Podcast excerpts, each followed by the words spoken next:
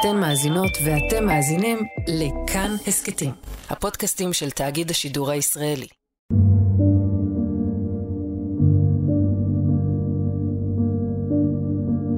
מאחורי הקלעים, שעה עם רותי קרן על צידו הנסתר של עולם התרבות והאומנות. פייה או דרקון, עוגן או פרח, שם של אהובה או תמונה של אימא על העקב או הכתף, על הצוואר או הזרועות, קטנטן וסמוי או נרחב ונוכח, מושך ומרתיע, אסור ונועז, עתיק יומין וחדשני. האם מדובר ביצירת אומנות בשר ודם, חיה ונושמת, או בסוג מתורבת של סימון, של הצהרה? שאולי התכונה המאפיינת ביותר שלה היא אי-הפיכות, וגם זה כרוך בכאב, פיזי, ממשי.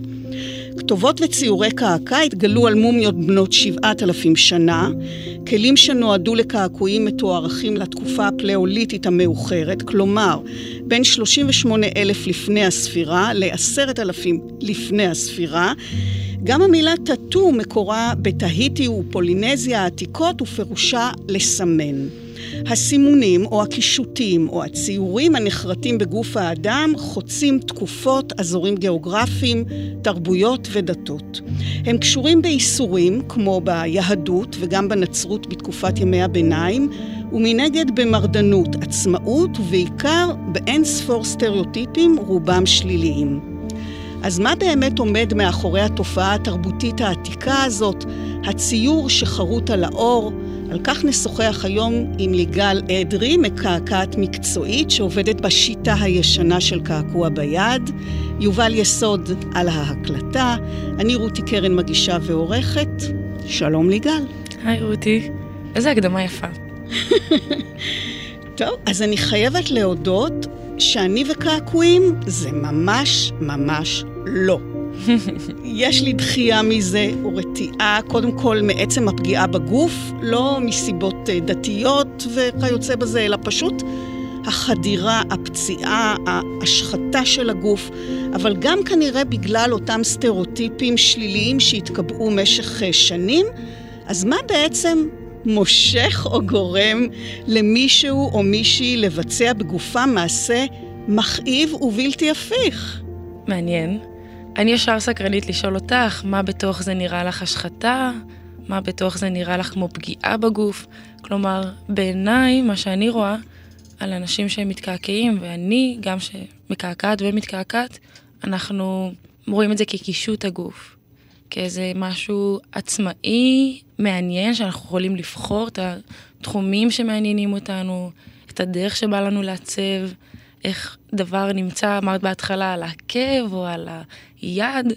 אני יכולה להגיד שאצלי יש כזה כמה מקומות בגוף שקעקעתי, שאני חווה איתם סוג של חוסר ביטחון, וזה כמו כזה לבוא דווקא על החוסר ביטחון שלי, ואני כזה, אה, אני עכשיו שלמה עם זה ואני מרגישה עם זה בנוח. משהו שהוא בלתי הפיך, אולי לא חושבים על זה עד הסוף, mm. שזה בלתי הפיך. כזה זה עניין רגעי, ואוקיי, זה נשאר איתי. מי שכן חושב על זה שזה עניין קבוע, בלתי הפיך, לא ניתן לשנות את זה, ויש באמת הרבה אנשים שלוקח להם זמן עד הקעקוע הראשון, או הרבה אנשים שאומרים לי, אני כל כך רוצה להתקעקע את הקעקוע הראשון, אבל מה יקרה אם אני אתחרט? מה יקרה אם אני לא ארצה יותר? ויש משהו בבלתי הפיך, שזה או לחתום היום את מי שאני היום, למי שאני אהיה בעתיד. כמו איזה סיפור, כמו איזה משהו שהוא תיעוד למה שהייתי, כמו איזה משהו שגם מסר לחיים, אני רואה את זה כאילו כל דבר שאנחנו עושים פשוט נשאר איתנו. קשה לח, לחשוב על משהו שהוא הפיך, שהוא קשור לעבר והווה ועתיד. אז זה קצת סימבולי ויזואלי, ונראה mm. לי גם נדבר על זה. יש משהו פיזי ויזואלי בקעקוע, שהוא סימבולי לרגשות שלנו, לחוויות שלנו, בעיניי. ואולי שאלה מתבקשת בהמשך, זה מה גורם למישהו לרצות לקעקע? לצייר, לא במחול, לא בעיפרון, אלא במחט על גופו של מישהו אחר.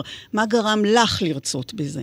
אני חושבת ששאלתי את עצמי את השאלה הזאתי לפני שהתחלתי לקעקע, אחרי שהתחלתי לקעקע, ועוד היום אני עוד שואלת את זה, זה לחלוטין שאלה של מה הצורך הזה שלי לפצוע בן אדם בצורה מסוימת, לצייר משהו לבקשתו, או ממשהו שאני ציירתי לפני, וממש שזה יהיה לתמיד.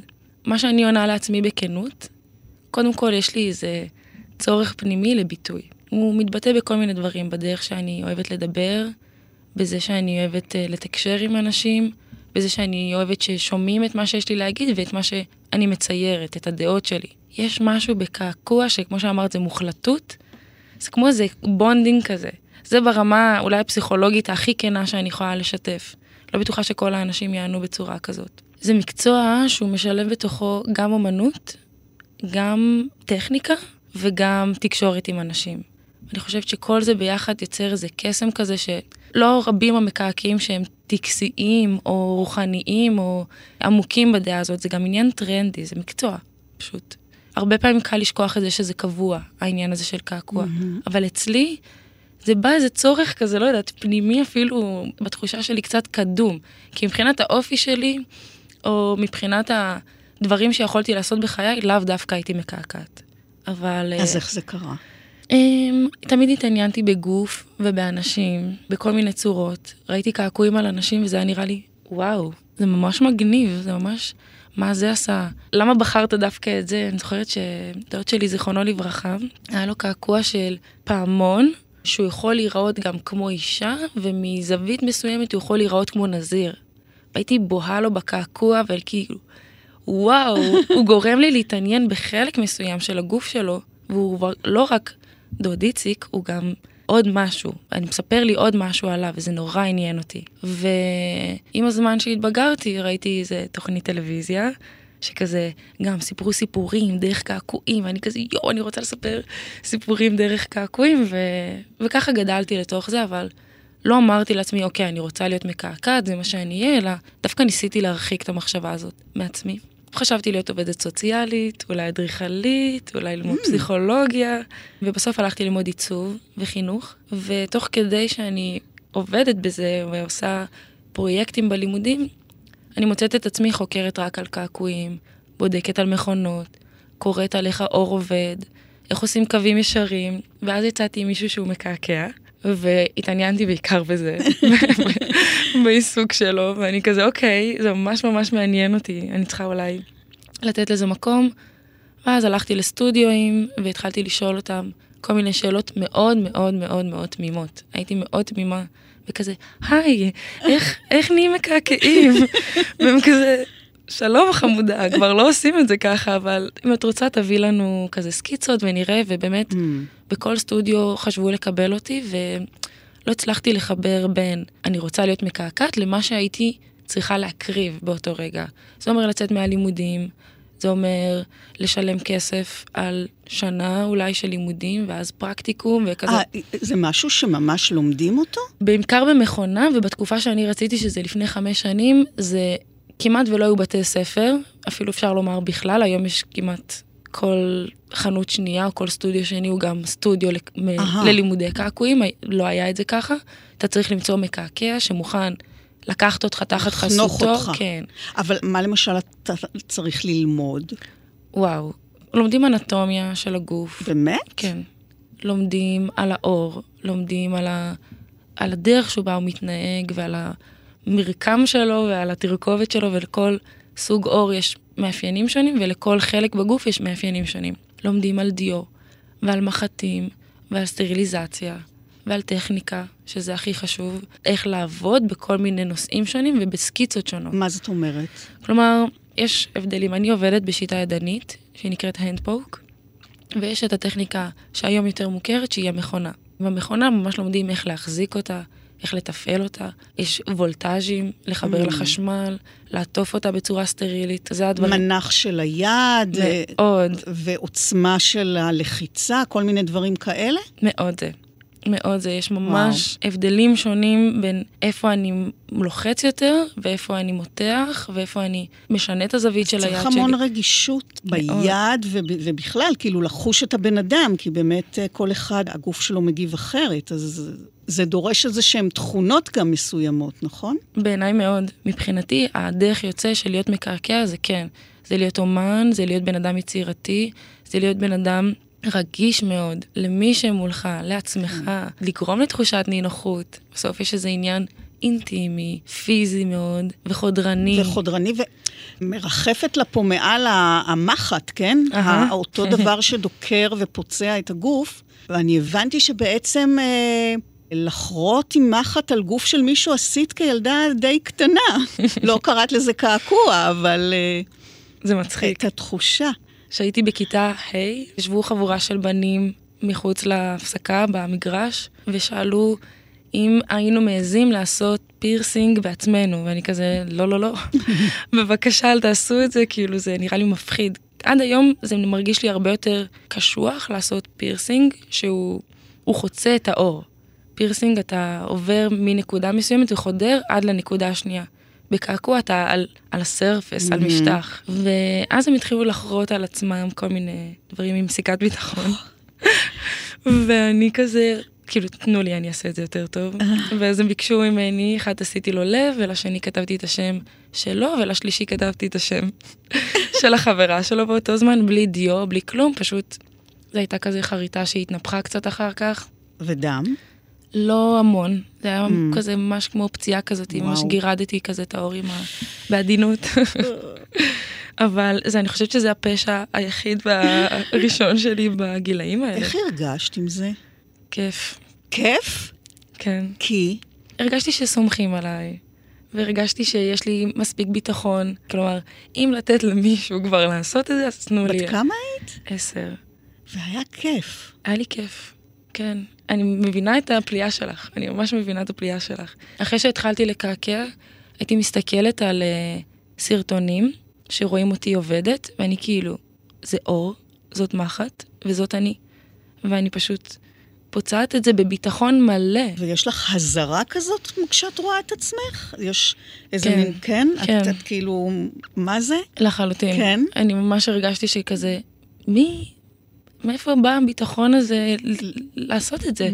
וזה לא שלמדתי אצל מישהו מקצועי והוא נתן לי את הביטחון ואמר לי, את מסוגלת. הוא היה בתוכי, כאילו ידעתי מה לעשות, ברור שצפיתי בהמון סרטונים וחקרתי וקראתי, אבל היה לי המון המון ביטחון בכל הנוגע לזה. הזכרנו שישנן עדויות וממצאים מלפני אלפי שנים לקעקועים שנעשו על אנשים. אגב, היו גם סיבות רפואיות, כך הבנתי, Mm-hmm. או מגיות, אבל כאמור גם לסימון, כמו סימון אה, של בעלי חיים. הסימונים המוכרים ביותר, הנוראים ביותר, הם אותם מספרים. שקורקעו בדיוק כחולה על זרועותיהם של אה, אסירי מחנה הריכוז אושוויץ, שנושאים אותם עד היום. מספר זה שנצרב לא רק בבשרי, אלא גם בנשמתי. עד היום אינני זוכר על פה מהו המספר, וכדי לדעת, עליי להביט בזרועי. כך כותב יחיאל דינור, ידוע בשם קצטניק, הוא לא זוכר את המספר, הוא מכסה את המספר. הקעקועים אכן מאפיינים בהקשר אחר לגמרי, גם אסירים, השתייכות לקבוצות עברייניות, אבל גם למשל אופנוענים, אנשים אה, בשולי החברה. אלא שבעבר, כך סיפרת לי, זה דווקא נועד לייחד ולסמן מעמד גבוה. Mm-hmm. אז איך ולמה ומתי חל ההיפוך הזה? בעצם אומרת, בואי נעשה רגע סדר ב... כן. בכל הדבר הזה, בין הסטריאוטיפים נכון. לבין ה... מאיפה בכלל זה מגיע ומתחיל. אני כן חייבת להגיד שכשסיפרת על הכתובת, על המספר, שרבים מאנשים שהגיעו. מהמחנות ריכוז חווים, פתאום אמרתי כזה, זה לא רק המספר התקעקע, זה גם החוויה, זה גם, זה גם אחד מהדברים שמוכיחים את ההתרחשות הזאת. כלומר, יש היום התכחשויות כאלה ואחרות והעדויות הולכות הכחשות. בדיוק, כן. וגם האנשים שהם פה כדי להעיד, הם לאט לאט הולכים לנו מהעולם, והתמונות האלה והכתובות האלה והסידוריות של המספרים, אי אפשר להתכחש לזה. אני יודעת שגם uh, ישנם נכדים של ניצולי שואה, שרוצים לקעקע את המספר של הזדהות, הסבא כן. או הסבתא על הזרוע, נכון? יש בזה משהו שזה מאוד... קצת uh, קריפי, הייתי אומרת. יש בזה משהו קריפי, ואם בן אדם כזה היה מגיע אליי, הייתי מציעה לעשות את זה בצורה קצת יותר נסתרת, אולי בקוד מורס כזה. סמויה כזה, כן. מה- כי הסמליות, אני יכולה להבין אותה, אבל לא חייב אחד לאחד. כן, אפשר כן. לפתוח רגע את העולם. נכון. ממה שאני חקרתי וקראתי, וזה תמיד עניין אותי ההיסטוריה של הקעקועים, אני עובדת בשיטה שהיא יחסית היסטורית. פעם קעקועים היו מגיעים משבטים, והיה צריך לסמן מי האנשים החזקים בשבט, או איזה פעולות מסוימות שעשית, אם זה דרגה מסוימת. והדרך לקעקע זה אומר שאי אפשר להוריד את זה ממך, ובהכרח מישהו מקצועי הביא לך את זה. כלומר, גם לקעקע זה לא היה תפקיד שהיה מותאם לכולם בקבוצה. פעם זה היה משהו שרק לאצולה או המנהיגים בתוך שבטים, הם היו מקבלים את הכתובת הזאת, גם כדי להבדיל, וגם זה היה מסמן המון המון כוח.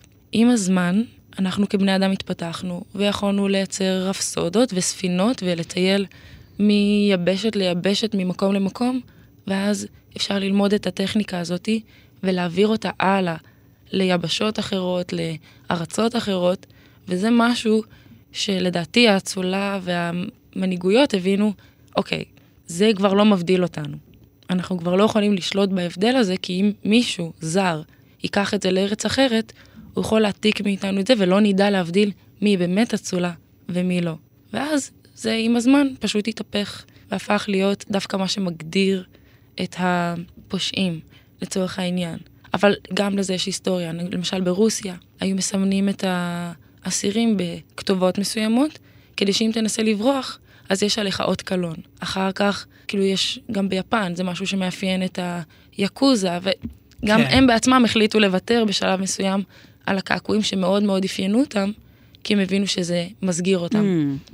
אבל היום אני יודעת שלמשל, אם יש קבוצות כאלה של אה, באמת מאפיות, אז אה, המשטרה הרבה פעמים, על פי קעקוע, mm-hmm. שרואים על היד או על העורף או איפשהו, יכולה לזהות לאיזה קבוצה עבריינית הם שייכים, ואז לאתר אותם באמת, וזה עדיין ממשיך. זאת אומרת, כן יש, כאילו השאלה גם למה באמת בכלא אתה רואה את זה הרבה, למה באמת אה, זה מתקשר עם איזה סוג של... אפילו הייתי אומרת איזה גבריות, איזה משהו קשוח, כאילו... באמת אה, רוכבים על אופנועים. מעניין. אז זה מעניין איך, איך זה ככה קרה. עצם העובדה שאמרת גבריות, משהו קשוח, mm-hmm. מאוד מתקשר להקדמה שלך בעיניי. יש בזה משהו כואב, שהוא לא פשוט לעשות כאילו אמיץ okay. אפילו, mm-hmm. לעשות משהו שהוא קבוע, שהוא על-זמני, והוא כואב, אז בטח שיש בזה משהו קשוח. בהקשר של הסיפור של הכלא, האסירים החליטו, אוקיי, אתם מסמנים אותנו, אנחנו נסמן את עצמנו יותר. ואז אנחנו מורדים בדבר ונותנים מסרים גם אחד לשני. ותמיד רוצים ללכת נגד המשטר. זה צורך שיש בנו מאז שאנחנו, עד היום יש לנו את הצורך הזה, ללכת נגד החוקים ומה שאומרים לנו לעשות. אז את יודעת, זה, אני חושבת על מה שאת אומרת, וזה בעצם בא בעת, מצד אחד, אמצעי סימון, שאתה ממושטר, זאת אומרת, מישהו סימן אותך והוא שולט בך. מצד שני, אנחנו תופסים את זה כאיזה אקט מהפכני, אנטי-משטר. Mm-hmm. זאת אומרת, זה גם וגם. זה כאילו לא אכפת לי. כאילו לא אכפת לי. אני לא נותן לכם להגדיר אותי. ברור שיש סטריאוטיפ מאחורי קעקועים, אבל היום זה כן מטשטש. אז זהו, האם סוג הקעקוע, כלומר הבחירה בציור מסוים, או אותיות, או סימן בעל משמעות, יכולה ללמד על האדם, על השתייכותו, על אה, אופיו, על מניעיו, או שיכולות להיות הפתעות שנניח אה, גברתן קשוח יבקש אה, פרח עדין על הכתף, ונערה ענוגה תרצה שרוול מלא על זרועה. היום כן. היום לחלוטין כן, היום המון גברים שמים על עצמם פרחים מאוד עדינים ומקשטים לפי האופי שלהם. ונשים שאת רואה אותן קטנטנות ועדינות, במבט ראשוני לא תאמיני, ויש פתאום את רואה רגל עם כזה גולגלות ודברים שהם...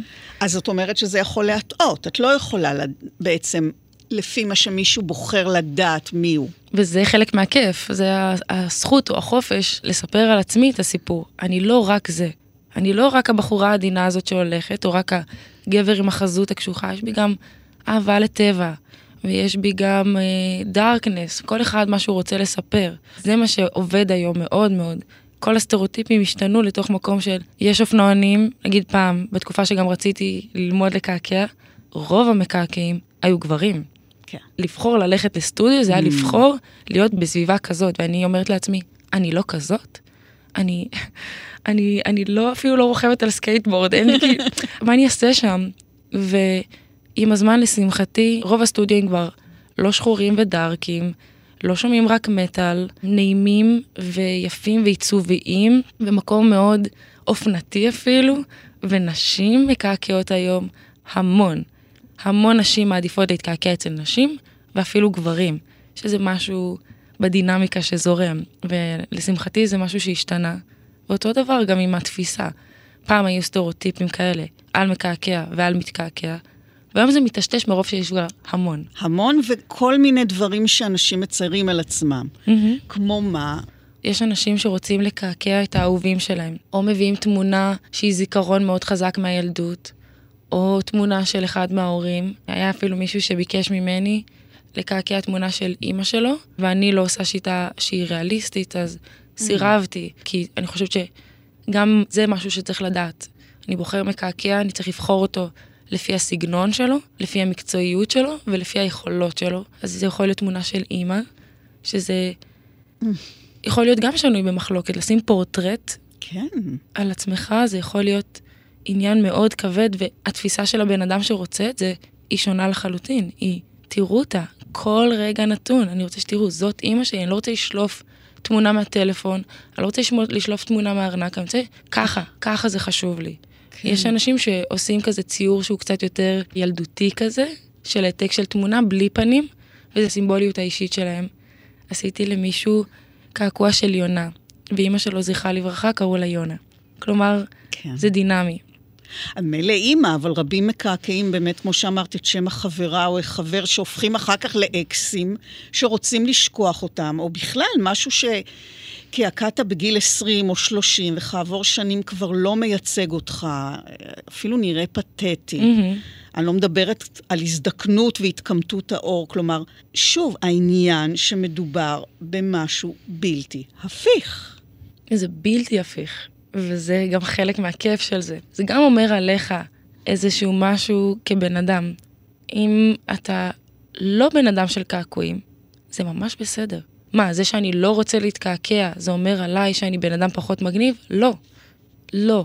כל אחד יכול לבחור איך לקשט את הגוף שלו, איך לשנות אותו, איך לעוות אותו, בכל מיני מובנים. אוקיי, אז יש לי כתם שחור או צורה שחורה על הגוף, שהיא משתנה ביחד עם הגוף שלי שמתכמת. מבחינתי זה בסדר. נכון שיש אנשים שמתחרטים. אנשים עושים קאברים, אנשים עושים הסרה של קעקועים, או משנים את איזה הק... קאבר? קאברים הם משתנים. אתה יכול להשתמש בצורה של הקעקוע ולשנות אותה, אתה יכול לכסות אותה במשהו גדול יותר וכהה יותר, או ממש ללכת על זה עד הסוף. יש לי חברה טובה שהיא, היה לה יד מקועקעת שלמה, והיא החליטה שהיא משחירה את כל היד. פשוט וואו. הכל שחור. תהליך כואב, מאוד מאוד. זה לא סשן אחד, אבל זאת הבחירה שלה, והיא רואה את זה מהמקום הזה של, היה שם קעקועים, עכשיו זה שחור, וככה אני בוחרת לעצב את היד. אני יכולה להגיד שעליה זה נראה ממש טוב, אבל זה כן איזה משהו אקסטרים לראות פתאום כתם שחור מובהק על גוף של אדם. כן, אז זה לא לחלוטין בלתי הפיך, אבל כיסוי או העלמה של קעקוע נעשית בעצם על ידי קעקוע אחר. נכון. ושוב, מדובר בחריטה על הגוף, חריטה על האור. אני יודעת למשל שרופאים בתקופת הסטאז' שלהם מתאמנים על החדרת מחט לחולה כדי לקחת דם. Mm-hmm. זה אמנם משהו לגמרי אחר, אבל זו פעולה של פציעה וזו פעולה של גרימת כאב, ואני מכירה את החששות של לבצע את זה. פעולה של פציעה, של גרימת כאב, של ציור שיכול להתפרס על שטח גוף רחב. את לא מפחדת? אני מפחדת, ואני חושבת שזה גם מה שאני אוהבת בתוך זה, ההתגברות שלי. יש משהו בהתגברות שלי, באמונה הפנימית שלי, בכלל שגרמה לי להעז להיות מקעקעת. ואת המקום הזה אצלי, בתוכי, אני מבינה. אני כן יכולה להבין את הדרך המאוד מאוד לא פשוטה שעברתי, בכל הקשור ללהיות מקעקעת, בלהסכים לעצמי שזה אולי יגדיר אותי, בלהתמודד מול שיפוט של בן אדם, פתאום מסתכל במראה והוא יאהב או לא יאהב להרגיש את השמחה או את הספק בזה שהוא מסתכל במראה. כל זה זה דבר שהוא שם אותך ממול הביטחון העצמי שלך, ומבחינתי זה בחירה כזה, כמו אני סומכת על עצמי, וזה כל פעם מחדש ממחיש לי שאני סומכת על עצמי. את כל פעם מחדש גם מפחדת? כן, לחלוטין. בטח שזה פרויקטים שאני, הם שונים והם חדשים. אני עכשיו נמצאת בפרויקט גב מאוד גדול. השיטה שלי, שזו שיטה של נקודה אחרי נקודה אחרי נקודה במחט, ידנית בלי מכונה, זה לא כזה נפוץ, בטח לא בארץ, לקעקע גב שלם, ועברתי עם זה המון. יש לנו ארבעה סשנים כבר, וכל סשן מחדש הייתי צריכה לבוא ממוקדת, ואני רואה את הגודל הזה ואני אומרת, אני אעמוד בזה? אני כאילו אספק את הסחורה? אני חושבת לעצמי איך לתמחר את הדבר הזה, כי זו ההתנסות הראשונה שלי בכלל. בגב, יש פה כמה אלמנטים שצריך לקחת בחשבון. אבל אני מחזירה את עצמי לאיזה מקום של בין צניעות לבין ביטחון עצמי. כשאתה מתחיל לקעקע, אז יש לך תקופה קצרה של סליחה. אתה אומר, אני רק מתחיל, ואנשים, מי שבוחר לבוא אליך יודע שאתה מתחיל, לא מצפים לאיזה משהו גדול. תקופה שבאה אחר כך, זו תקופה שאתה אמור להיות... מקצועי. כן, אבל אתה עדיין לא עברת מספיק. כן. תוך שלושה חודשים היום מישהו יכול להיות מקעקע. ילמד בסטודיו והוא יעשה את זה, ויש הרבה מקעקעים ותיקים שהם מאוד כועסים על זה, הם נגד זה. כזה לא כל אחד יכול להיות מקעקע, צריך לעבור דרך מקעקע ותיק. יש כאילו בחינה ו- ורישיון ו... לא. לא, זאת אומרת, זה פרוץ באיזשהו... מאוד פרוץ. את זוכרת את הפעם הראשונה שלך? בטח. הגעתי לשותפות שלי עם uh, מחטים ודיו. ממש באותו רגע שנכנסתי הביתה אמרתי להם, מי רוצה קעקוע? מי שאמרה אני, קיבלה, ובאותו יום עשיתי ארבעה קעקועים. באמת? כן. והיה לי ממש כיף. בזיכרון שלי מאז לא יכולתי לעצור כזה. ופעם ראשונה של מישהו שהגיע אלייך, מין בתול קעקועים כזה? מלחיץ. עשיתי מלא וידוי כזה. אתה יודע שאני מקעקעת וזה הקעקוע ה-22 שלי, אתה יודע שאני עושה בלי מכונה. אז יש סקיצה שבוחרים אותה, ואחרי שמדפיסים אותה בעצם יוצרים איזושהי שבלונה. את השבלונה מדביקים על הגוף, ואז אפשר לראות אה, ואיך איך זה נראה? איך זה נראה, וגם כן. אפשר להתחיל לעבוד, כי צריך את הקווי... אה, על השבלונה את אה, עושה את כן, החירור? כן. גם אם אני לא עובדת עם שבלונה, אני אעבוד עם טושים. אהה, כלומר- את מסמנת לך. בטח, כי זה גם גוף וזה דינמי, וגם אתה כן. רוצה לדעת איפה אתה נמצא. אתה מותח את האור ומשנה אותו, אתה רוצה לדעת איפה כן. אתה נמצא. וקורה פעמים שאני מדביקה, ופתאום אני מסתכלת עם הבן אדם במראה, ואני כזה, רואה שהמבט לא שלם. אפשר לראות את זה שכזה, אה, מגניב, טוב, יאללה, בואי נתחיל, בואי... אני כזה, וואו, קצת יותר התלהבות, קצת יותר, אה, וואו, איזה יופי, אני מת להתחיל, כאילו, אני מחפשת את התגובה הזאתי. וקרה לי פעם דווקא עם מישהי, ששמתי לה סקיצה יחסית גדולה על הזרוע. ואני רואה אותה כזה מתלבטת, והיא כבר נשכבת על המיטה, ואני כבר מוכנה עם היד שלה, כזה עם המחט גם בידיים שלי, ואז אני אומרת לה, את בטוחה? מרגיש לי שאת כזה לחוצה, ממה את לחוצה? אז היא אומרת לי, אם אני יכולה להגיד את האמת, מסקרן אותי לי איך זה יהיה בצד השני. אבל אני לא רוצה להטריח אותך. ואני כזה, באותה שנייה אני כזה זזה אחורה, אני אומרת לה, להטריח אותי? זה משהו שהולך להיות עלייך כל החיים, את חייבת להיות שלמה עם כן. זה. שינינו את הכיוון, הייתי צריכה להדפיס מחדש, ליצור את הסקיצה, לחטא אותה, כאילו את הצד השני של הגוף שלה ואת הכל, והראינו את זה, היא הסתכלה בפרצוף ממש מתבייש, והיא אומרת לי כזה, אני אוהבת את המקורי. אבל אני מאוד שמחתי, אני כזה, אוקיי, זה כיף לדעת שאתה מתחיל כן. ולעבוד שבן אדם שלם עם זה. נכון. ובשבילה, אם אני יכולה לומר, וזה כזה מבחינתי גם מסר, מבחינתה זו הייתה חוויה נוספת לחיים שלה, שממש מותר להגיד, רגע, אני מהססת. זה כאילו, פגשתי את זה די הרבה אצל אנשים, שזה מביך אותם להגיד, אני מהסס, אני לא סומך. הם רוצים להיות כלילים. לא, אני לא כזאת בדרך כלל.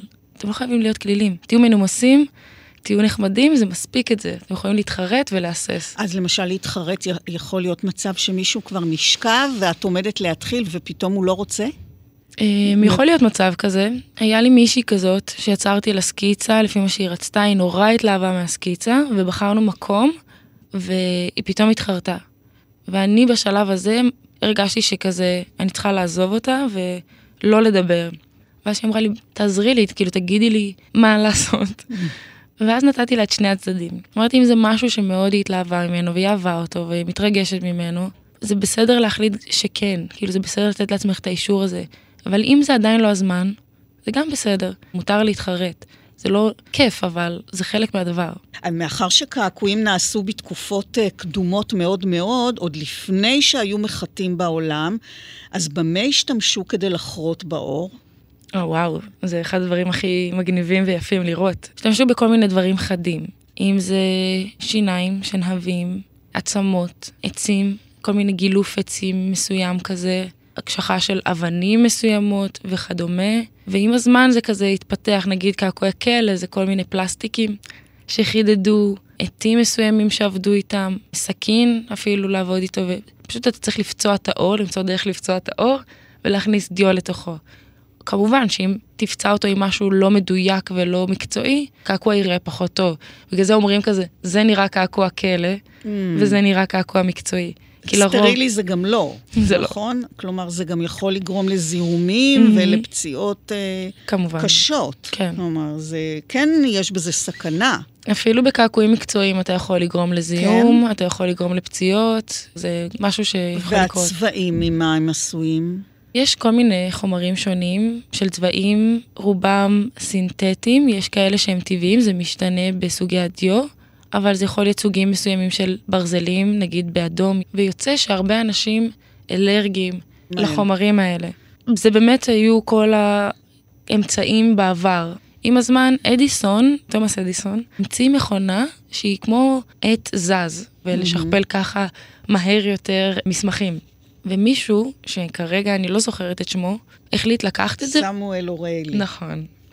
הוא לקח את, ה... את אותה טכניקה, עשה שינויים קטנים, ובעצם שם שם מחט, ויש איזה סלילים מנויים שהם מזיזים את המחט, ויצר את מכונת הקעקועים.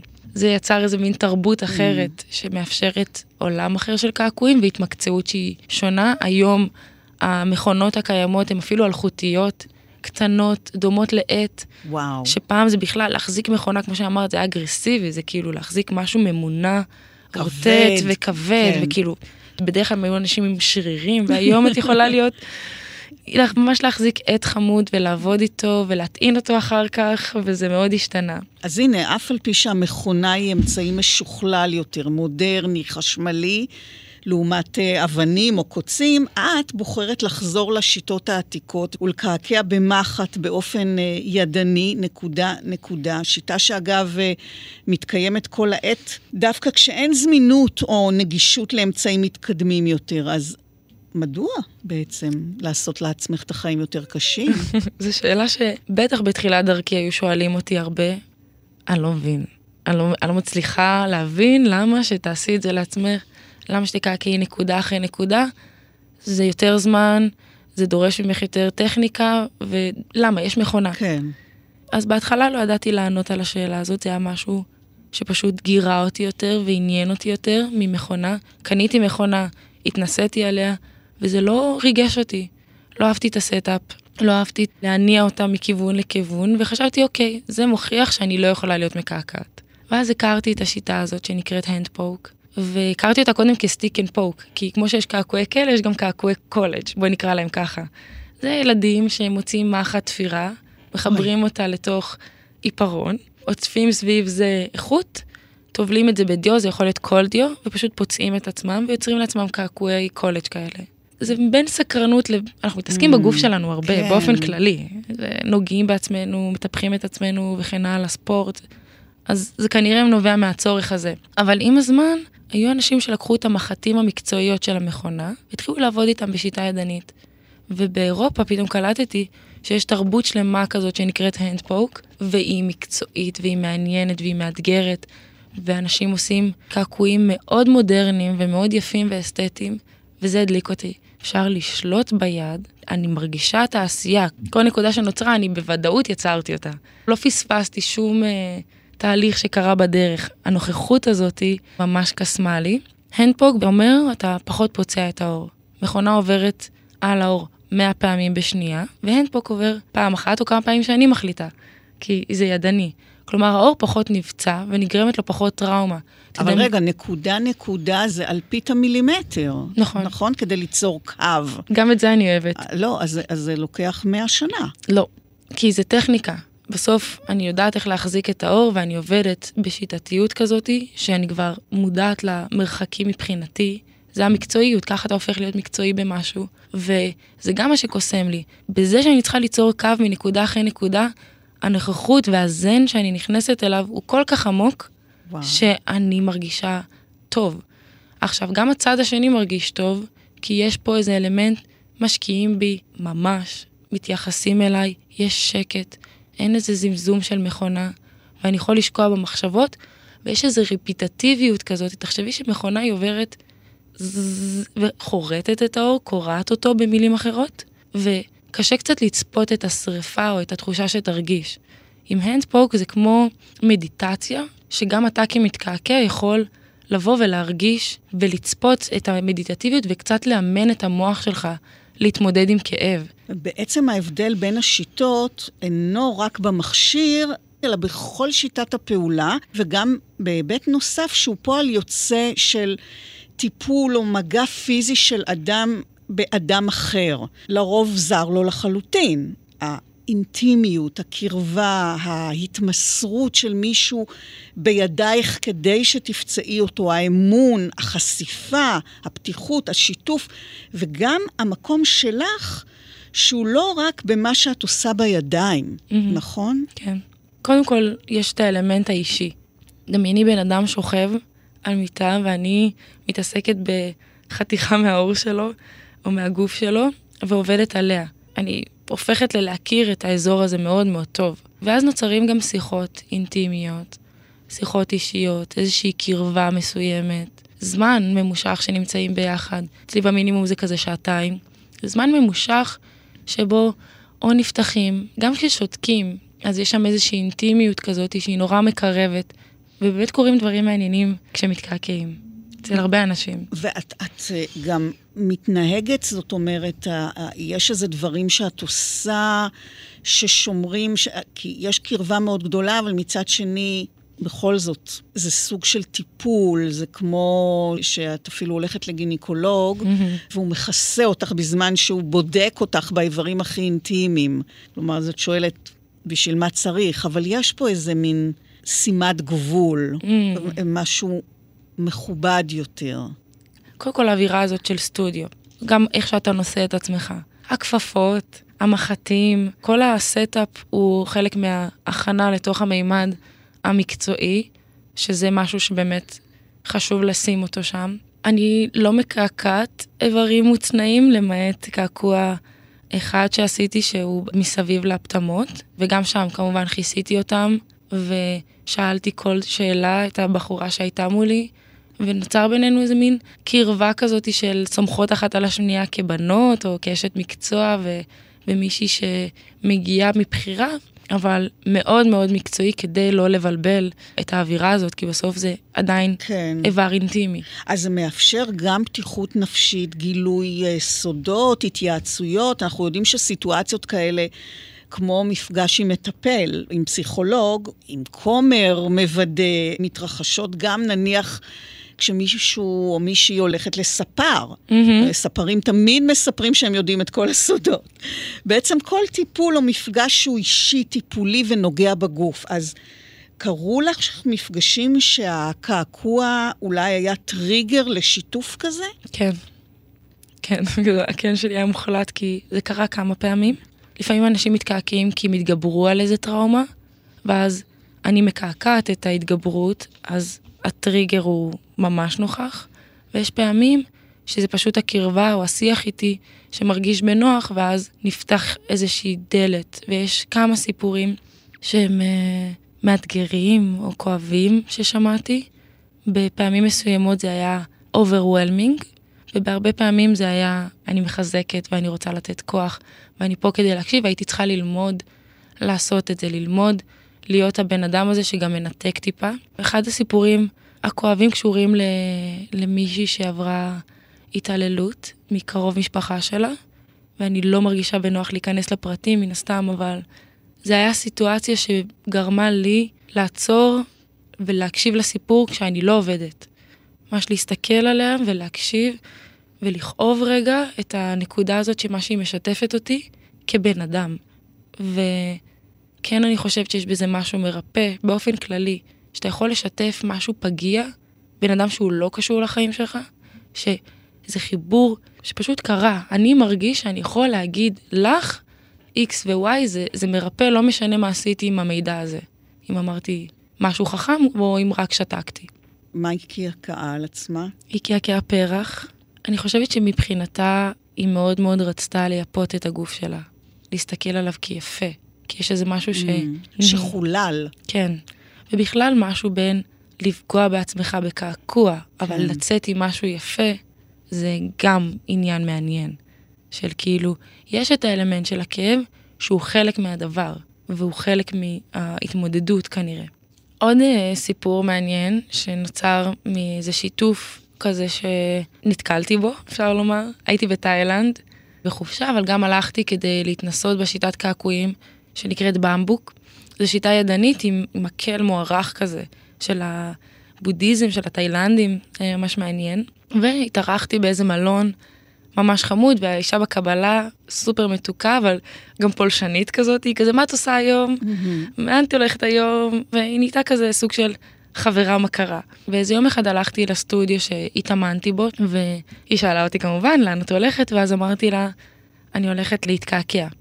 היא אמרה לי, יא, גם לי יש קעקוע, יש לי קעקוע של פרפר, אבל אצלי זה מקרה עצוב. אני כבר בת 46, ואני רווקה, ובבודהיזם אומרים שמי שיש לו קעקוע של פרפר, אחד ולא שניים, אז נגזר עליך להיות בודד כל החיים. ואני כזה, אוקיי, למה שלא תעשי עוד פרפר? והיא אומרת, "אה, אבל אין לי כסף. בנוסף, יש לה כתובת, קראו לו ג'ארו, אני לא אשכח את השם הזה, של האקס שלה. הנה, בבקשה. בטח זה יש המון, נכון? אה, יש הרבה אנשים, אני חושבת שבדור הזה, אני רוצה להאמין, כזה, הפסיקו עם זה? כן, הבינו את הפואנטה די. כן. שהם מתחלפים, כאילו. וגם זה לא מה שמסמן, כן יש קעקועים חמודים של אה, זוגות. נגיד, יש לי מישהו שהכרתי, שזה ממש חמוד, אני רגע יוצאת מהסיפור, שהוא והבת זוג שלו קעקעו כרית באזורים שהם ישנים אחד על השני. זה ממש חמוד. אז היא, היא אומרת שאימא שלה אומרת שבגלל שהשם שלו כתוב, אף אחד לא יבחר בה. אז עוד יותר היא תישאר רווקה. היא כזה, זה מה שנגזר עליי. ומיהרתי, אז אמרתי לה, אוקיי, כאילו, טוב, אני הולכת ונתראה יותר מאוחר. סיפרתי לה שאני מקעקעת, ושהבאתי איתי ציוד, ושאני אשמח לתת לה בחינם קעקוע, כדי ש... יאללה, בוא נשחרר אותך רגע. לשחרר אותה כן. מהקללה. כן, גם אני רציתי לאסוף חוויות, כן. וגם זה הרגיש לי כזה, יאללה, למה לא? ואמרתי, אני אעשה לך קאבר של פרפר. על השם שלו, ואז שתי פרפרים במכה, מה שנקרא. נכון. והיא אמרה שבשש היא תעלה לחדר ונעשה קעקוע.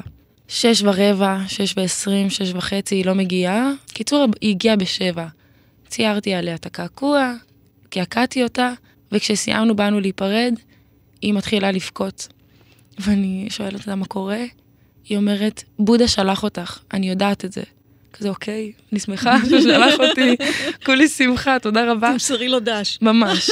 ואז היא מסבירה, תראי, פרפר בבודהיזם זה שבע. אני לא הצלחתי להגיע, הבחורה שהחליפה אותי איחרה לי. הגעתי בשבע. מספר החדר שלך הוא שבע. התאריך היום הוא 27 לשביעי. ואנחנו כזה. יש, יש משהו במה שאת אומרת. אי אפשר להגיד שלא, למרות שהיא הייתה כאילו לא הבן אדם הכי מחובר, אבל כאילו, זה סיפור שמבחינתי ממש מעניין מה זה יכול לעשות למישהו. זה שחרר אותה למשהו כן. אחר ש... בוא נגיד שאני מקווה שהיא בזוגיות היום, כן, ושזה כן. כן השפיע. תגידי, יש אנשים ש... אני יודעת, מתמכרים לזה? זאת אומרת, אה, עוד קעקוע ועוד קעקוע ועוד קעקוע. ו... כן. ראיתי אתמול תמונה של אה, מישהו שקעקע את כל הגוף, הכל. בכתבה היה כתוב ש-96% מהגוף שלו מקועקעים, כולל העיניים. מהמם. איך מקעקעים בעיניים? אני לא מקעקעת. בעיניים. לא. מה זה? בכלל פנים זה משהו אבל ש... איך אפשר בכלל לקעקע בעיניים? אני לא מצליחה להבין את זה. יש לך למעלה אור. בסוף איפה שיש אור... לא, לא, לא בעפפיים, בתוך העין. אה, אני לא הייתי עושה את זה. לא, אבל איך זה בכלל אפשרי? מודה שאין לי מושג, זה מרגיש לי כמו את משהו... לא שמעת על זה?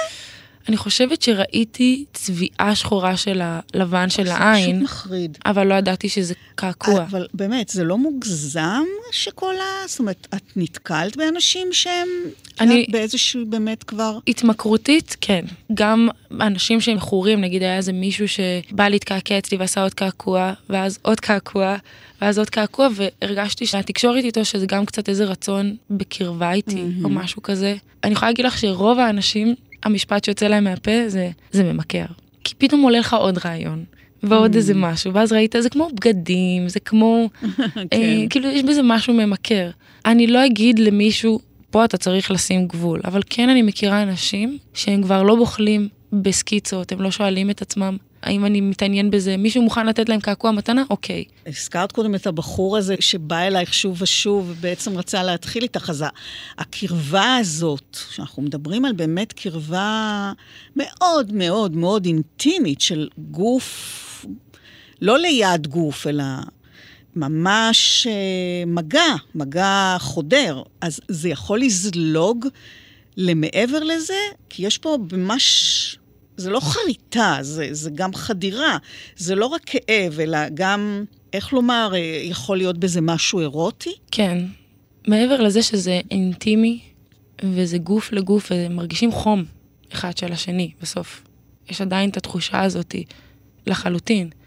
אבל mindset הוא באמת יכול להשפיע על המקצועיות. את שאלת אם יש זליגה. כן. לי יש סיפור אחד שמישהו התחיל ללטף לי את הרגל תוך כדי קעקוע, ואני כזה, זה היד שלו? היד שלו הייתה תלויה כזה בין המיטה לרצפה, ו... כי הוא שכב על, על הבטן, ואני כזה לא הבנתי אם זה בטעות, וניסיתי לזוז טיפה, ופתאום אני זזה ומבינה שהיד באה איתי. הוא שאל אותי ממש אם זה נעים לי, ואני כזה, ממש לא. זה היה רגע שמאוד הרתיע אותי, וכמעט עצרתי את הקעקוע, בסוף בחרתי להמשיך אותו, אבל זה ליווה אותי, וגרם לי להרגיש ממש חסרת אונים, ולשקול מחדש את הדרך שבה אני מקבלת אנשים ומראה את הגבולות שלי. והיום אני הרבה יותר מקפידה על גבולות. וקרה לך אבל באמת שהיה, שהיה את ה... משיכה? כן, כאילו, כן. שוב אני אומרת, זה כל כך קרובים, וזה כל כך... לא יודעת, זה הכי קרוב שיש, כי את ממש אה, נכנסת לו לתוך האור. כן, יש אנשים יפים בעולם. נכון. ומעניינים. נכון. וברור שהיו כמה אנשים שנמשכתי אליהם, והרגשתי את זה, אבל ניטרלתי את זה. היה מישהו אחד שיצאתי איתו, אבל uh, זה משהו שאפשר לנהל אותו בעיניי, כמו כל דבר. גם שרוקדים, לא יודעת אם אני ארקוד נכון. ריקוד סלונים או משהו כזה, אפשר לנהל את זה. משיכה זה לאו דווקא חייב להיות משהו שהולכים עליו עד הסוף, או משהו שעושים איתו משהו. זה נחמד להימשך לאנשים. נכון. הקעקועים אמנם יש בהם אה, משהו של הצהרה או הפגנה כלפי חוץ, אבל הרבה קעקועים מסתתרים אה, מאחורי בגדים. למשל, את יושבת ככה מולי ולא רואים שום קעקוע. נכון. אף אחד, כלום. את לא מקועקעת מבחינת מה שאני רואה. נכון. אז באמת הזכרת קודם אישה שהגיעה אלייך וביקשה קעקוע על שדיה. איך את ניגשת לזה? זה בכל זאת איבר שחשוב לנשים, האור שם מאוד עדין. נשמע לי פחד אלוהים. Mm-hmm. דבר ראשון שניגשתי אליו זה היה כל מיני שאלות רקע רפואי כזה ואחר, שאני יכולה להבין בו. זה נוטלי תרופות, אם זה גלולות, כל מיני דברים כאלה שקשורים לדם. זה משהו. שהתעניינתי בו, אחרי שקראתי וחקרתי. דבר שני, ניסיתי להבין אם, אם הבחורה שמולי מבינה מה היא עושה. כאילו, אם זה בשביל הכיף ובשביל הספונטניות, אז לא תודה. ואם זה מתוך הבנה, כאילו, היא שיתפה אותי, אומרת לי, גם אני חקרתי על זה, זה גם אותי הטריד, וגיליתי שזה לא, אין שום דבר לא בסדר בזה, אז נשמע שיש פה בן אדם שיש על מה לדבר איתו. אותי באופן אישי, אני חושבת שזה ממש יפה. אני בעצמי רוצה אחד כזה, כאילו... מה את אומרת? אני חושבת שזה יפה, אני חושבת שזה... מה היא ציירה שם? מה אה, את ציירת? אני ציירתי לה, כמו קישוטים כאלה, לא משהו. בדיוק היום ראיתי קעקוע של מישהי שעשתה קשת וענן של חתולים מסביב לפטמה. זה ממש חמוד. וכאב? בשבילה הכאב היה בסדר, למרות כן? שציפיתי שיכאב לה יותר. כן, כי זה אור עם עצבים, יש עצבים. 아, זה, וזה גם אור אה, נורא דק, אני חושבת. הוא מאוד עדין, ולכן גם היה לי קל יחסית לקעקע אותו, כלומר לא הפעלתי שום כוח על האור הזה, וכנראה לכן זה לא כאב. מבחינת כאב זה משתנה. יש אזורים כואבים יותר בגוף ופחות. לא, אבל איך למשל פה, מה, מה את עושה בגלל שזה מקום כזה, את צריכה למתוח נורא את האור, או מה? ספציפית היא שכבה, ואז הפטמה עצמה הייתה מכוסה, ומתחתי כל וואו. חתיכה קטנה של אזור שעבדתי עליו, לא מתחתי לה את כל החזה. פשוט מתחתי כל חתיכה של אור וניסיתי ללחוץ כמה שיותר כדי להשיג קפיציות קשיחה כזאת, כאילו כדי וואו. לעבוד על זה. אבל זה היה מסקרן וכיף ואפילו נוח, כאילו לא היה... מה קורה אם מישהו רוצה אבל הוא לא עומד בכאב? Mm, מעניין. כי זה קרה לי פעם אחת שמישהי עצרה ואמרה לי, אני לא ממשיכה. עשתה קעקוע בקו של הקרסול, ומאוד מאוד מאוד כאב לה. וניסיתי כזה לתת הפסקה, וניסיתי כזה לשאול אותה אם היא יכולה לנשום כל כמה קווים, לעבוד קצת ואז לעצור, לעבוד ולעצור, אבל היא לא יכלה, והיא אמרה לי, בואי נמשיך בפעם אחרת, אני לא עומדת בזה, ולדעתי זה היה מצב רוח. אה, כאילו זה כן כאב, אבל הרבה אנשים שהם במצב רוח, הם רוצים להתגבר עם הכאב. כלומר, כשאין לך פניות רגשית להתמודד עם משהו, יהיה לך יותר קשה להתמודד איתו. אותו קעקוע גב שעשיתי. אז באחד הסשנים, כלומר, אני יודעת איך האור מגיב, איך הבן אדם מגיב לכאב, ובאותו נקודה באנו לעבוד, והיה איזו חסימה. כלומר, לא היה לו נוח, היה כואב, לא הצלחתי, מה שנקרא, לחדור את האור. עד כדי כך. כן. ואני שואלת שאלות. כלומר, מה, יש איזה משהו שאתה רוצה לשתף? ועשינו הפסקה, ודיברנו קצת, והבנתי שהנקודה הזאת בזמן לא זורמת. עובר איזה משהו עם עצמו, וזה לא מתאים. וזה ממש בסדר, והחלטנו לעצור ולהמשיך בפעם אחרת, כי חבל סתם. כלומר, מה שאת אומרת זה שהאור נסגר בפניי? כן, כן, בדיוק. אני וואו. אומרת שהאור נסגר בפניי וזה קורה. הרבה פעמים בהתחלה של קעקוע, של בן אדם לחוץ, אני ארגיש את זה. אני אבוא לגעת בגוף ואני כזה, אוקיי, זה סוג האור, או שזה הבן אדם נסגר? ואני שואלת, את לחוצה? אתה לחוץ? אתה רוצה רגע לנשום? אני יכולה להתחיל? הבקשת רשות הזאת, כן. היא פותחת את האור. אפשר לראות מתי בן אדם מכווץ. הקיבוץ הזה הוא יוצר סגירה של התאים בעיניי, והאור פחות חדיר, וגם הדיו פחות נכנס. ואתה לא רוצה לעבוד בסביבה כזאת, חבל. אני כן אוכל לעבוד אם אני אפעיל כוח, אבל אני לא רוצה להפעיל כוח שהוא לא רצוי, כי זה גם ישפיע על ההחלמה של הקעקוע, וזה לא מקצועי בעיניי. ויש אזורים באמת שהם מועדים יותר לכאב מאחרים? כן. זה... קודם, כל החיבורים, כל האזורים שהם מפרקיים, בגדול הם קצת יותר כואבים, כי גם יש שם יותר אור, כי הם צריכים לנוע, וגם יש שם יותר עצבים, כי זה צריך לנוע.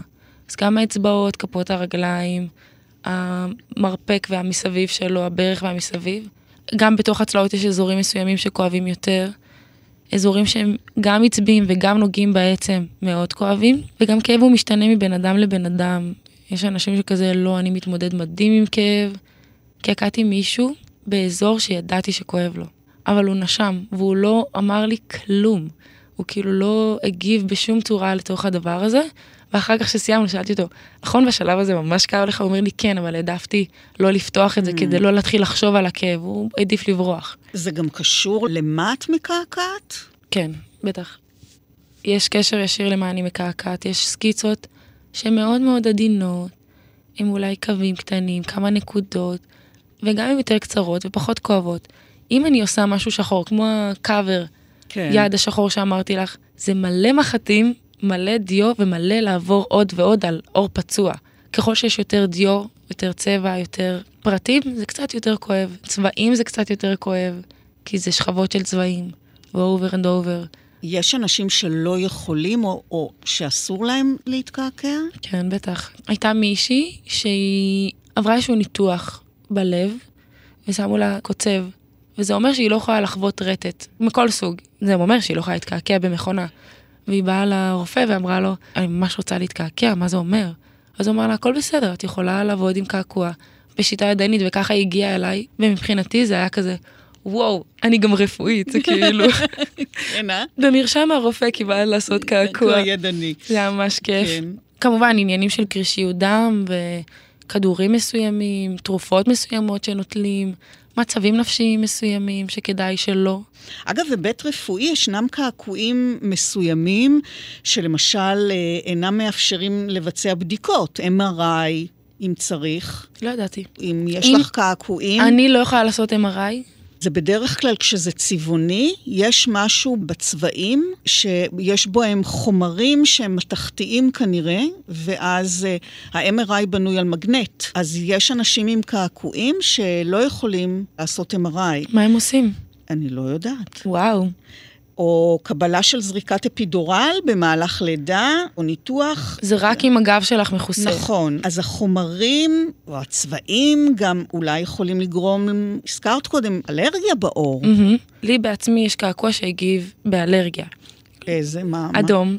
יש לי פה פרח אדום והוא התנפח לי. עד היום עברה שנה מאז שעשיתי אותו, ועד היום הוא נפוח. פגשתי איזה מישהו שעשה קעקוע בצבע אדום, הלך הביתה, הקעקוע שלו החלים, עבר חצי שנה, קעקוע נראה מדהים. אחרי ארבע שנים, הקעקוע שלו פיתח אלרגיה והתנפח. זה קיים. למשל, אני קעקעתי מישהי, רצינו לעשות פרח צהוב, והסתכלתי, היה לה איזה סקיצה לפני זה, של קשת בענן, והיה עליה כבר צבע צהוב. כלומר, הרגשתי יחסית בנוח לעבוד עליה עם הצבע הזה, ואחרי שבועיים היא אמרה לי, תקשיבי, נראה לי שהקעקוע לא מחלים כזה טוב. ואז, אחרי חודש, שוב, אני בתקשורת קבועה איתה, והבנתי שהקעקוע הגיב לה בצורה שהיא אלרגית. בדקתי עם כל מיני אנשים מקעקעים, והבנתי שזה משהו נפוץ. אתה יכול להיות אלרגי לסוג מסוים של צהוב, שהוא שונה מהצהוב שמישהו אחר ישתמש. אם יש לך חשש כלשהו, או זה... בכלל, אם אתה בן אדם אלרגי, או בן אדם שיש לך רגישויות, אז הם עושים ניסוי, כזה טסטות של צבעים לפני, כדי להבין אם יש אלרגיה כלשהי. אבל לרוב זה כזה כמו איזה סיכון שלוקחים. אנחנו מדברות על מה קורה למקועקעים, לרגישות שלהם, לפחדים, לתגובות ההוריות. אפרופו הקרבה הפיזית, זה מאתגר גם בשבילך. יש מצבים שקשה לך לעבוד על מישהו שאת נרתעת מאיזושהי סיבה? זה לגמרי משהו שיכול לקרות, מישהו מרתיע, או האנרגיה שלו. עבדתי באיזה סטודיו והיה מישהו שפנה אליי, ומשהו באיכשהו דיבר איתי באינסטגרם, אני כזה, אני לא בטוחה שאתה לא בן אדם, שהוא היה מאוד נחמד, אבל משהו באנרגיה לא הייתי בטוחה שהוא, שיהיה לי כיף, או שאני אהיה בטוחה. ופחדתי להישאר לבד, והיו Mm. שני חברים שנשארו איתי מה את בסטודיו. אומרת? הוא היה בחור מקסים, אבל הם נשארו איתי כי חששתי. כן. יש גם ענייני ריחות. היה מישהו אחד שהוא תייר, והתחלנו את הקעקוע והתחלנו לעבוד והכל היה בסדר, זה היה קעקוע שיחסית קרוב לבית צ'כי. ולפעמים כשמתקעקעים ומקעקעים, מזיעים קצת. מלחץ אולי. מלחץ, כן, מעבודה של הגוף שהוא עובד על, כן. על זה שפוצעים אותו כרגע. והוא התחיל להזיע, וזה הריח מאתגר. זה היה חריף. מילה כזאת. כן, כ- אה, אה, משהו מכובס כזה. מאוד, כי מה אני אגיד? זה- ריח מאתגר. כי זה אתגר אותי גם... בקיצור, זה היה מסריח, נו. נכון. זה היה בוא נשים את הדברים על השולחן. גם היה מסריח, אבל גם היה מאתגר לעבוד ככה. כן, ברור, זה גם הרבה זמן. כן, זה כאילו...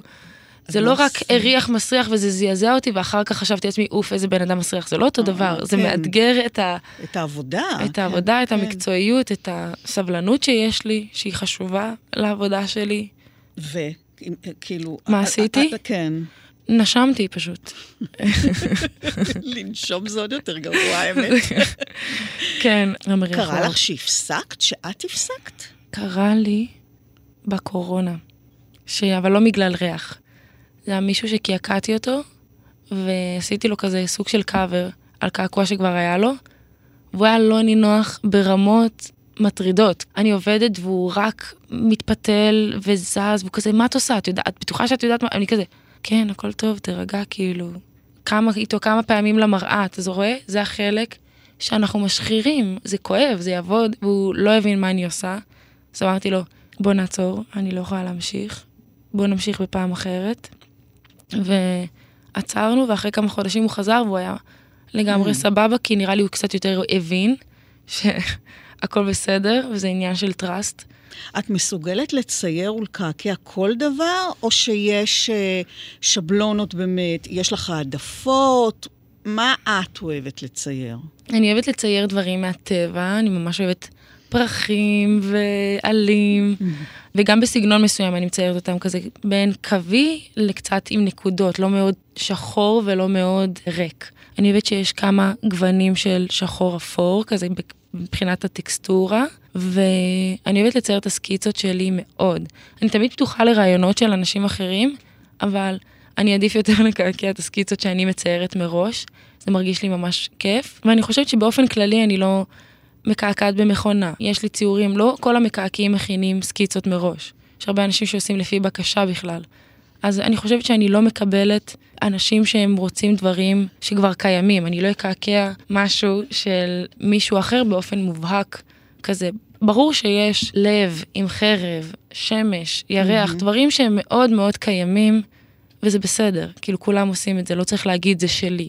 אבל כן יש אלמנט כזה של לוקחים סקיצות לאנשים. היה לי תקופה שציירתי שלדים, הראיתי לך גם את הקעקוע שיש עליי, של השלד, זה אני ציירתי אותו ומישהי קעקעה לי אותו. מאוד אהבתי לצייר שלדים שהם בנות ים. עכשיו זה משהו שקיים ברשת, כאילו בפינטרסט או משהו כזה, אבל כסקיצה לקעקועים זה משהו שאני יצרתי אותו. ציירתי את זה ידני, לפי החופש שלי.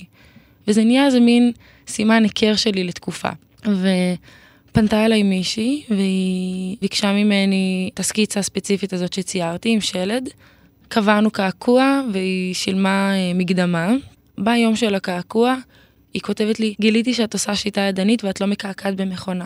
אמרתי לה, אוקיי, מגניב, מזל טוב.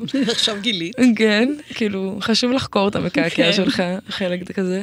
והיא אומרת, וחברים שלי הפחידו אותי ואמרו לי שזה לא יוצא מדויק. אמרתי לה, אוקיי, ראית את העבודות שלי באינסטגרם? והיא אומרת לי, כן. אמרתי לה, אהבת אותם? כן. מה זה משנה השיטה שאני עובדת בה? אם את אוהבת את התוצאה, זה אומר שאני עובדת מדויק, כן. או זה אומר שאת אוהבת את הדרך שבה אני מקעקעת. מה זה קשור לשיטה? והיא אומרת, לא, לא, אני מפחדת, אני לא יודעת, נננה, ביטלה. קצת נפגעתי, כאילו, בתוכי כזה, הרגשתי כזה, מה זה אומר? אני צריכה להסביר יותר מה זה הנדפוק. אחרי איזה חודש, לקוח כותב לי, ליגל, נראה לי מישהי לקחה לך uh, סקיצה. כי הוא מכיר אותי, מכיר את הסקיצות, ואז הוא שולח לי את הקישור של החשבון של מקעקעת אחרת, וזה אותו סקיצה אחד וואו. לאחד. עכשיו, שציינתי בהתחלה שאני ציירתי את זה ידני, ואני בכוונה מציינת את זה, כי כשאתה מצייר עם היד שלך, יש תחתיו יד שלך. יש דברים מסוימים שהם הטעויות הספציפיות שלי. Mm-hmm. אם אני עושה איזה גומה קטנה איפשהו, זה היד שלי טעתה, כן. ואני גם זוכרת את התהליך. פה לא, לא הצלחתי למחוק את הזה, אז הפכתי את זה לגומה. פה יצא לי קו כזה, אז הפכתי את זה לפרח. אני זוכרת את התהליך. והעתיקה אחד לאחד, וואו. כולל הטעויות האלה. ופניתי אליה, פניתי אליה ואמרתי לה שכזה, זה, קודם כל זה לא לעניין. ובסדר, כולם מעתיקים, אם מעתיקים תהפכי את זה לשלך. אל תעשי את זה כאילו משלי. היא התנצלה וביקשתי שהיא תיתן קרדיט, היא נתנה קרדיט, אבל מחקה את הפוסט אחרי איזה שעה. אהה, כן, לא נעים. יש קעקוע שאת זוכרת במיוחד? שאת אוהבת במיוחד? אני חושבת שכל שבועיים בערך, או חודש, יש לי כזה את ה highlight שלי, כי כל פעם זה באמת משתנה, ואני מרגישה שכל פעם אני פורצת את הגבולות של עצמי, אבל אני חושבת שאחד הקעקועים שזכורים לי, אולי כי דיברנו על זה לפני זה, זה הקעקוע של הבחורה עם הקוצב. משהו באיך שבנינו את הסקיצה, והיה שם תנועתיות, ובחוויה הייתה מאוד מאוד זכורה לי. עבדתי שם בכל מיני רבדים, ופתאום, מבחינת עצמי, אני זוכרת שכזה נתתי מקום לזה שאני מקעקעת ידנית. אז mm-hmm. בגלל הסיפור שלה, זה קעקוע שמאוד מאוד מאוד זכור מה, לי. מה היה הקעקוע? קווים זורמים על היד. ב... פשוט קווים זורמים על היד. כן, ושזה בכלל לא הסקיצות שלי, אבל אני מאוד מאוד מאוד אוהבת לעשות, זה נקרא יד חופשית, פרי הנד, mm-hmm. עם טושים ופשוט כן. לצייר, זה ממש כיף לי. מה הבקשה הכי מוזרה, הכי משוגעת שקיבלת?